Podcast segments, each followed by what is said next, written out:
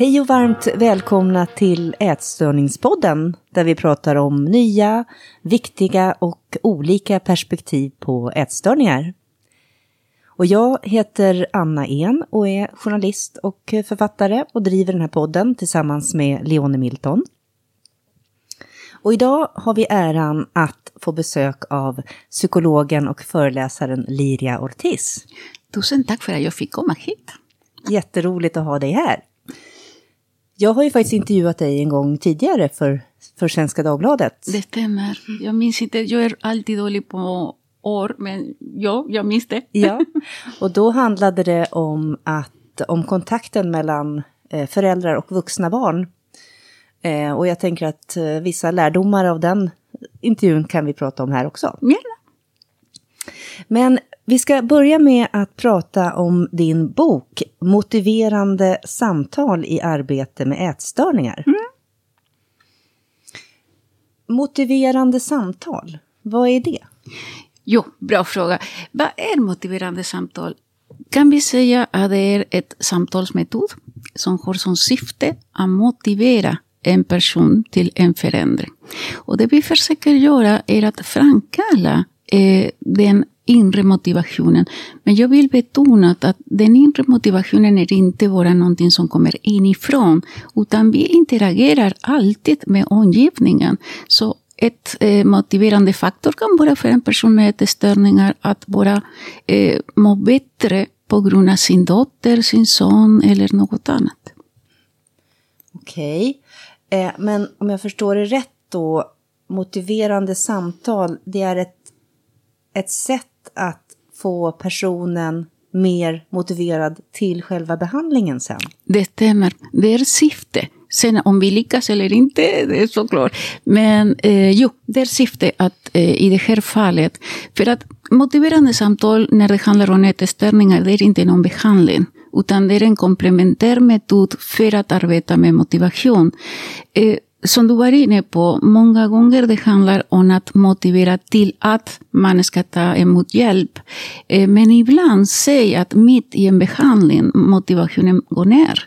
Och då rekommendationer är alltid, gör inte mera detsamma. Utan ta in motiverande samtal. Eller senare säga personen eh, mår mycket bättre, tar hand om sig själv, men sen kanske orkar inte hela vägen. Och då kan man behöva motiveras en gång till. Mm.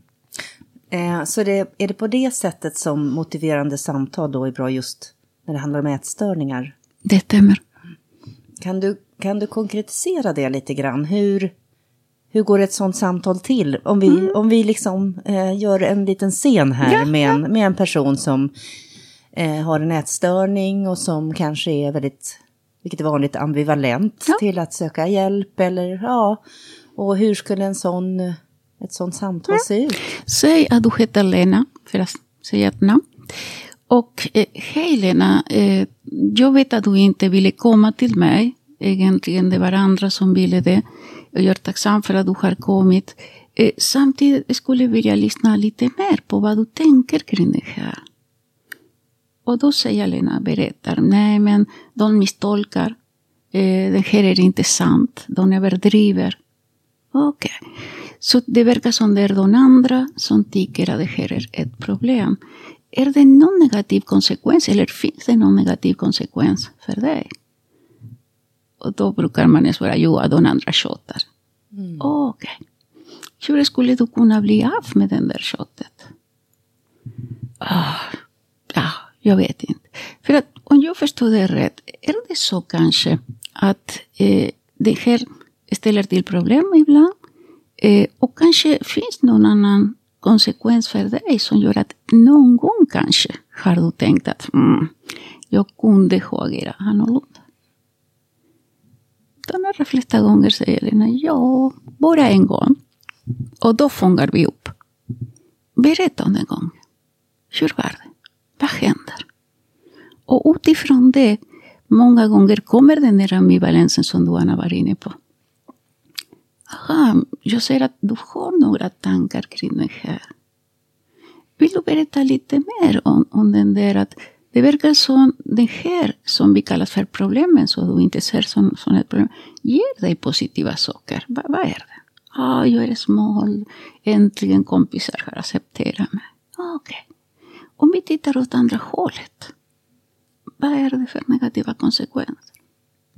Och en viktig sak här när vi utforskar den här delen är att i och med att vi har frågat om de positiva konsekvenser utan att döma, börja ge råd, då ökar sannolikheten för att personen ska kunna öppna sig och kunna säga ja. Är det okej okay om vi kan arbeta om dessa negativa konsekvenser? Och jag vill alltid betona såklart att det finns inga garantier. Men i och med att man närmar sig med nyfikenhet, man vill utforska, man fördömer inte den där är. Och en annan sak som brukar hända som är otroligt viktigt att tänka på är att, att bryt inte och börja ge råd. För att det är lätt. Ah, Lena, men det du skulle kunna göra är... Och kom ihåg, det gör vi med de allra bästa intentioner. Men med stor sannolikhet, i och med att Lena är inte beredd för en förändring, kommer Lena att börja för, äh, försvåra sig. Mm. Pratar vi ju, nu beskrev vi en vårdsituation så att mm. säga, men om vi skulle överföra den här situationen till en hem hemsituation. För jag vet ju att det är många föräldrar, syskon, vänner. Man kanske vill säga någonting. Man har, man har någon som man vill säga, berätta att man ser att den har en ätstörning. Man vill försöka hjälpa men den är helt kanske sluten och förnekar. Ja. Och, ska man kunna använda sig av den här, de här verktygen? Jo, inom motiverande samtal pratar vi om att så ett frö.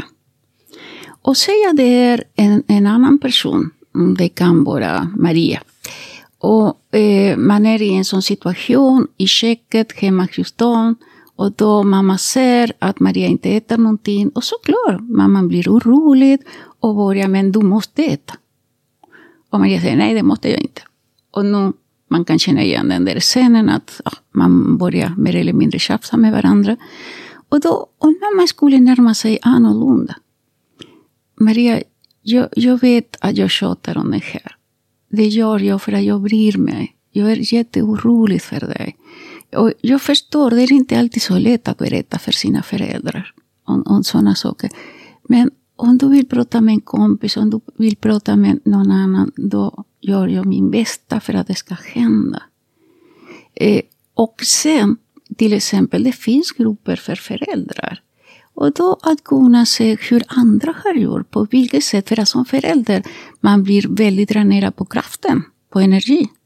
Att kunna få den där energin ta hand om sig själv, är någonting som vi brukar rekommendera starkt för att kunna orka. Men närma dig gärna med den här, du är orolig. Och såklart du vill säga vad Maria ska göra. Det skulle. Men Försök så mycket du kan att inte göra det, för att det har du säkert gjort tidigare. Och det har inte resultat. Och om det inte har gett resultat tidigare, det är dags att prova något annat. Och då, det är då när jag rekommenderar, gå till föräldragrupper, gå till en, ett proffs som du vill, för att kunna få verktyg och kraft. Ja, för vad händer om Maria bara rusar ut ur köket och stänger in sig? Hur, hur, hur, hur många gånger ska man fråga igen? Det är en väldigt bra fråga, men jag har inte något bra svar på det. Nej. Det vet jag faktiskt inte. För att några berättar att det är precis den där föräldrarna har kommit gång på gång. Som har, och andra har stängt sig totalt. Så tyvärr vet inte, men ett tips kan vara, försök inte prata om det i matsituationer. Precis när det är väldigt, väldigt laddat. Utan om du kan prata i en annan kontext när ni är lugna båda två. Ökar sannolikheten. Och jag vet att jag tjatar med den där med ekarsannolikheten och därför att det finns inga garantier. Men att ja, kunna se och ibland säga, vet du vad, jag vet att så fort vi börjar prata om det här börjar vi bråka. Kan vi ta en kaffe någon annanstans där det finns massor med folk som på något sätt kommer att hindra oss att börja skrika varandra. Men jag skulle vilja. Och sen någonting som kanske vi äldre har lite svårt. Eh, har det väldigt lätt att kommunicera via sms till exempel, eller andra. Där man inte tittar på varandra, där man har tid att svara. Om det funkar, varför inte? Mm. Ja, men det, det, är ju en väldigt eh, bra idé, att man skulle kunna för, skriva till varandra, eller ja. skriva till sin, sin dotter eller son. ja. Eller, mm. Precis, för att den där är en idé som egentligen kommer från eh, några proff från Maria Beroendecentrum. Som, eh, de säger, om du ringer till en ungdom, de svarar inte. Men om du smsar, säger de, då funkar det. Mm. Fine! ja, att hitta de här vägarna in på olika sätt. Precis ett råd som ju alla ger, experter, forskare, behandlare, det är att, att bryta tystnaden mm. runt sina problem. Men det är ju så väldigt svårt att göra det. Ja. Och att eh, ge de här verktygen till omgivningen, det tänker jag är väldigt viktigt. Och också för att det finns så mycket frustration och, och, och sorg och vanmakt Precis. i familjerna. Ja, och man måste acceptera att det är så som man mår i, i sådana kontexter. Men samtidigt, du var inne på, Anna, är oerhört viktigt att bryta tystnad och säga jag ser. Eh, trots att personen säger nej, det händer inte, nej, det är inte så. Okej, okay. eh, jag ser att du inte mår så jättebra. Jag är här jag kanske är inte den bästa mor eller far eller närstående i världen, men jag älskar det, jag bryr mig om det och jag vill verkligen hjälpa till. Men den där är oerhört viktig. Jag ser, någonting händer. Jag kanske inte vet i detalj vad är det som händer, men någonting händer. Och undvik gärna i sådana situationer att gå in i detaljer för att du inte äter, för att du bla bla bla bla. bla. Utan du mår inte bra. Varför är det så viktigt att säga det? För att Ordet mått vid ätstörningar, det är ett motståndsord. Det är en paradox, mm. men det, personen börjar försvåra sig. Eh, och, för att hjärnan kopplar ihop väldigt snabbt, Aj, nu kommer hon att tjata om mat. Utan på en övergripande plan, om du inte är en behandlare, de behöver du prata om mat såklart, är okej, okay, jag ser att du inte mår så bra, eh, du ler inte så ofta, eller för att sen, om samtalet kan fördjupas, då kan man gå in i detaljer. Mm. Men det första är den där att visa du bryr dig. Mm. Och varför är det så viktigt? För att personerna känner många gånger att ingen kommer att lyssna. De känner sig väldigt ensamma. De tror att det är bara jag som är i den här situationen. Och är man förälder, närstående, det är nästan per definition att vi är gamla dinosaurier. Vi förstår ingenting. Och då det är den här att kunna ta in det.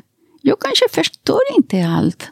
Det stämmer. Jag kanske inte ibland är lite äh, dum och ställer dumma frågor. Eller, äh, det, det stämmer, allt det där kan stämma. Men återkom till den här. Jag gjorde det för att jag bryr mig. Och kanske kan inte göra det på ett, det bästa sättet. Om du skulle vilja lära mig, hur gör jag? Det skulle vara det bästa egentligen. Och då som sagt, man öppnar dörrar. På att, nej, jag vet inte vad som är det bästa för dig. Trots att man känner att man vet mm. Men för att kunna öppna dörrar. Mm. Det, precis det. Är att vill man ha en relation, vill man veta bäst eller ha rätt, då rekommenderar jag inte. Jag har haft faktiskt sådana föräldrar som, när jag har lyssnat på dem, har lyssnat på dem, de ville ha rätt. Och då sa jag, tyvärr, jag vill inte gå vidare för att eh, ni, ni kommer, oavsett hur mycket vi arbetar med det här, ni kommer inte att komma längre än så. Så länge ni vill andra saker. Så ni kan konsultera andra, men mm. det är min, min gräns för att jag vet att annars fungerar inte. Jag tror att det här är en jätte, jätteviktig eh, del i, i att komma vidare om man har ätstörningar i sin närhet. Verkligen. Ja. Mm. För att det är så lätt att övermannas av den här ja, ja, frustrationen och ilskan. Och det är klart, som du säger, det gör man ju också. Det är inte konstigt. Nej, nej det är kärlek. Mm. Det är bara kärleken. Och om man tänker på den här, kanske det kan vara hjälpsamt att tänka så. Eh, Tänk att din ungdom kanske kommer sen hem till dig. Du har sagt att du ska vara hemma klockan 12. Det är klockan två. Ungdomen har inte kommit. Och då när ungdomen kommer, då börjar du skrika. Jag sa till dig, det, från och med nu, bla bla bla. Och det gör du för att du var jätteorolig. Du älskar den ungen. Men vad upplever hen? Jo, hen upplever, ah, vad jobbiga ni är, som inte fattar någonting. Ungdomen upplever inte kärlek. Utan det som hen upplever är den där, det är skrikande. Och den här är samma sak, att tänka och påminna sig att jo, du vet att du gör den här för att du bryr dig. Men det vet inte den andra. Den andra ser så enbart ditt beteende mm. och ingenting annat. Just det. Kan vi sammanfatta det här i någon sorts konkreta samtalsverktyg för, som då bygger på motiverande samtal, tänker ja. jag? Den första är den där, börja med att säga med dina egna ord såklart att du bryr dig. Eh, ta in i samtalet att kanske är du inte den bästa lyssnaren alla gånger. Att kanske du börjar ge råd, men att ja, eh, be om tålamod. Och jag vet som förälder, som närstående kan låta, men vadå ska jag? Men be om det. Och sen, berätta gärna, vad är det som händer? Och den andra är det viktigaste, lyssna utan att bryta. Det här låter så otroligt enkelt, men det är så otroligt svårt att hålla käften medan den andra pratar. Sen fråga, vill du lägga till något annat? Okej, okay kan jag berätta vad jag tänker kring det här? Och då lägger man till, okej, okay. när du berättar om det här, jag förstår att du lider verkligen, det är inte lätt för dig. Och jag skulle vilja vara till hands, stödja. En annan sak som kan låta lite märklig, ordet hjälp.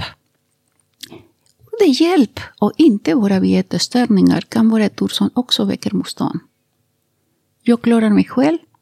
Jag vet vad jag ska göra eller inte, eller jag kan ändra när jag vill.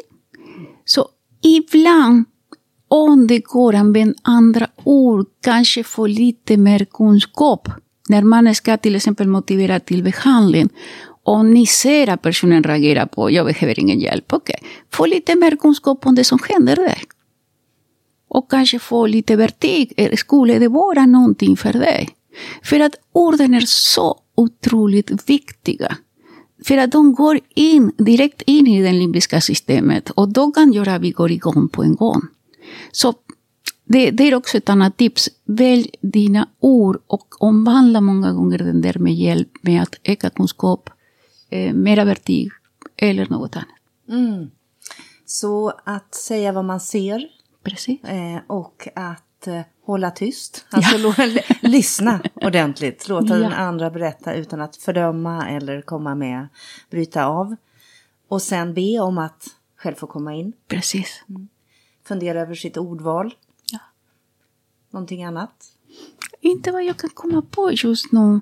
Det är bara att träna dig så mycket du kan om du har möjlighet att träna med andra först.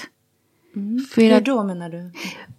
När man ska ha sådana samtal, eh, som sagt, jag som är utanför just nu, det är väldigt lätt för mig att säga. Men säga jag har min dotter framför mig och ska ha det samtalet. Med stor sannolikhet är jag väldigt stressad oj, hur kommer det här samtalet sluta? Och jag vill ha ett resultat. Så om jag har inte förberett mig, med stor sannolikhet kommer jag hamna i den gamla.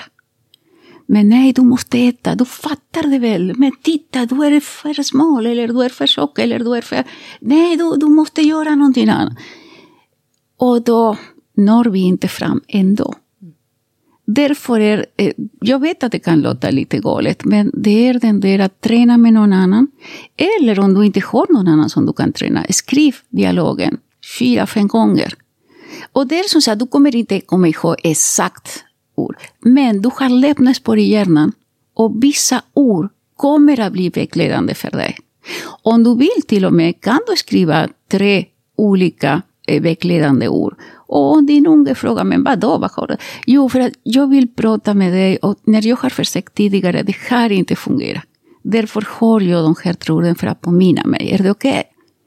Och ungen kommer att säga att du är lite konstig, bla bla bla. Men det, de allra flesta säger att det är okej. Okay. Mm väldigt bra råd. Det är Tack. så viktigt med de här konkreta eh, verktygen. Ja. Så, mm. Jo, för det är svårt. Som sagt, det måste vi alltid validera oss själva. Det är jättesvårt i en sån situation att kunna närma sig utan att gå igång. Mm.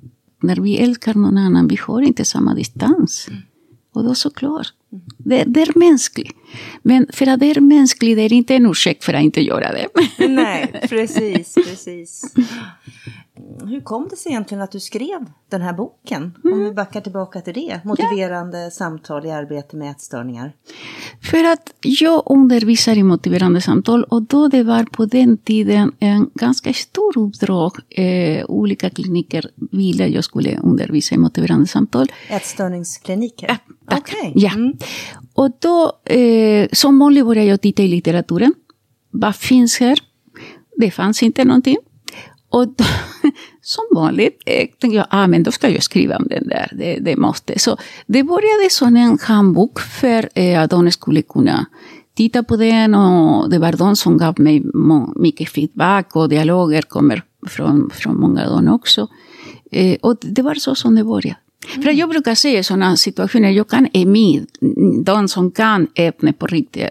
Och sen har arbetat, när jag arbetade med beroende. Och sen som handledare också. Jag ska säga att MI, det är alltså motivational interviews. Tack. Eh, motiverande Precis. samtal. Precis, det har översatts eh, till svenska som samtal. För att, vad jag har förstått, intervju på engelska är mer som en förhör, har några sagt. Och det är därför de har inte översatt direkt, utan man har lagt till till samtal istället. Mm. Så det, det, det, här var, du mötte ett behov? Alltså, ja. ja. ja. Några av mina böcker har kommit på grund av det. Ja, det, ja, det fanns inte. Eh, och då tänkte jag, ja, jag vill göra någonting åt det. Vet du om det används mer idag? Motiverande samtal vet jag att det används ganska mycket som komplement. Eh, och framförallt det som vi pratade om tidigare, för att kunna motivera till. Men hur många, hur ofta, det kan jag inte svara på, det vet jag inte.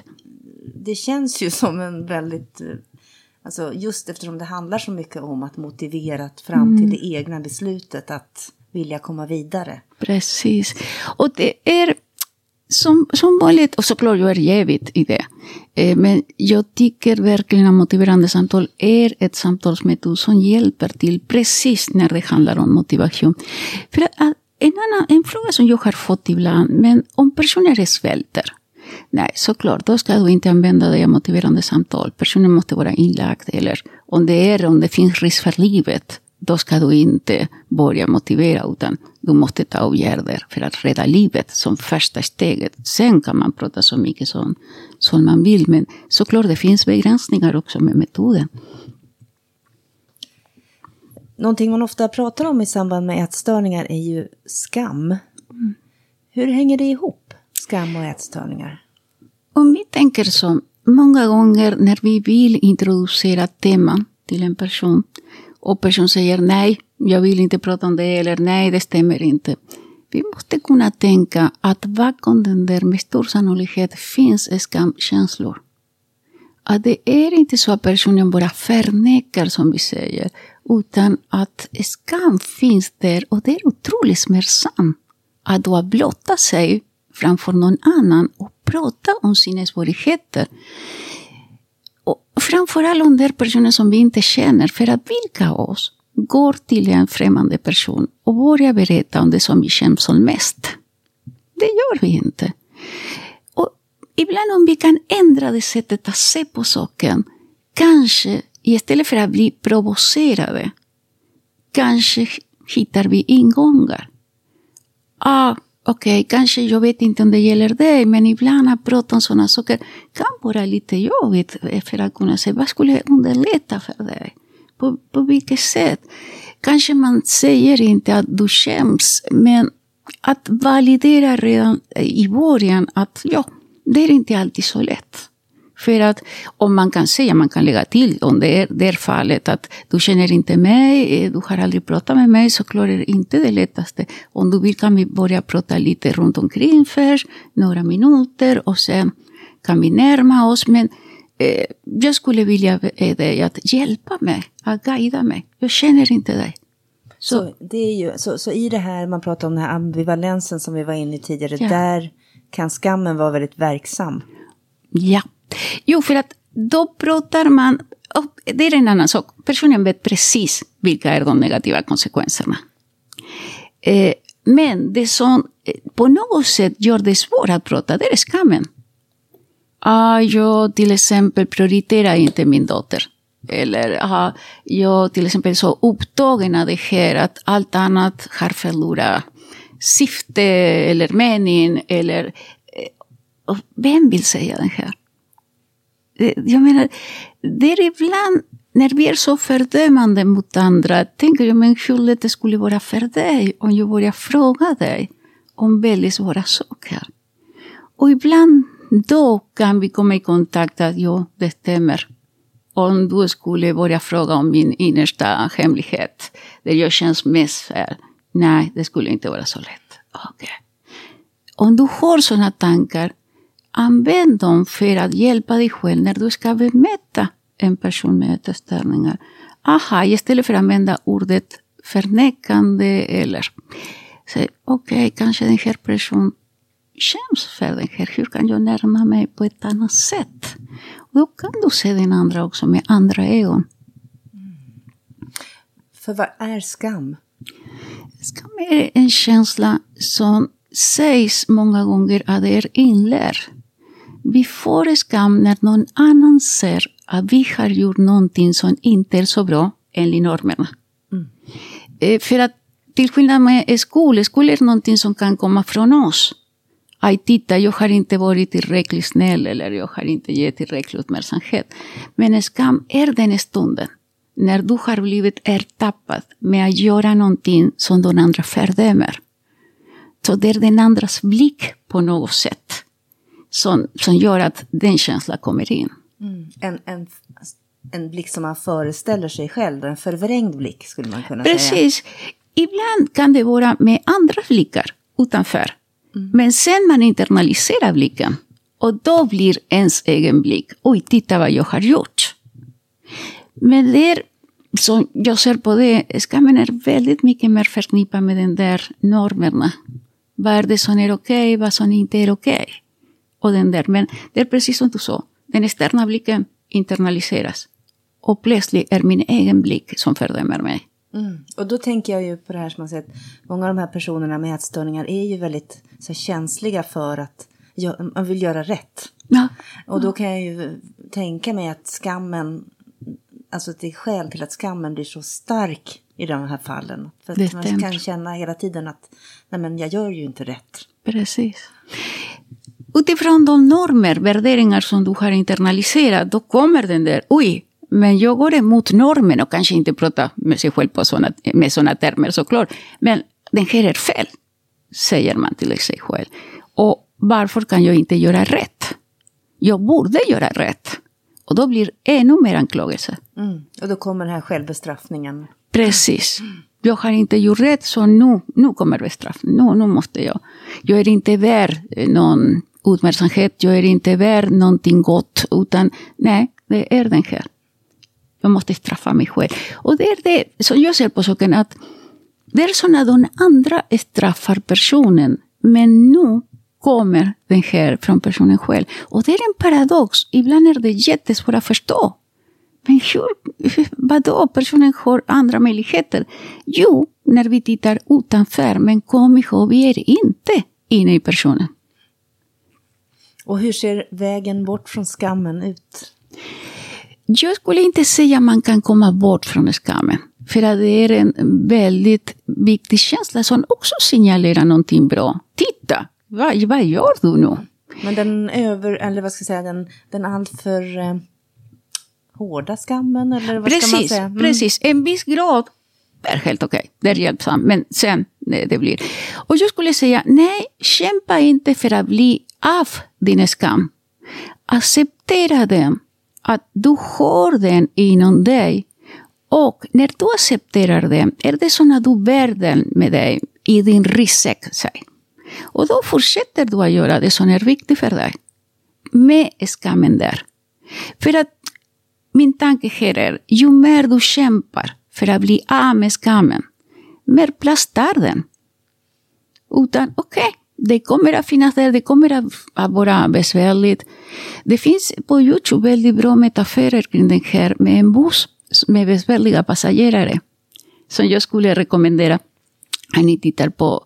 Och jag tror att det heter så busspassagerare eller ah, kanske du kan lägga in i podden eller på, ja, på något ja, annat sätt. Absolut. Eh, för att det illustrerar himla, himla bra den här. Att jo, eh, personen vill gå i en viss riktning, men alla dessa röster finns bakom personen. Och de tjatar och de säger massor med negativa saker. Så personen där kan välja, lyssnar jag på dem, ger jag allt min uppmärksamhet, då kan jag inte gå den riktning som jag vill. Eller nej, okej, okay, ni får vara där. Det är besvärligt, det är inte så att aha, det blir, man blir jättelycklig för det. Men okej, okay, men åtminstone kan man gå den vägen som man vill. Man har det valet? Ja. ja.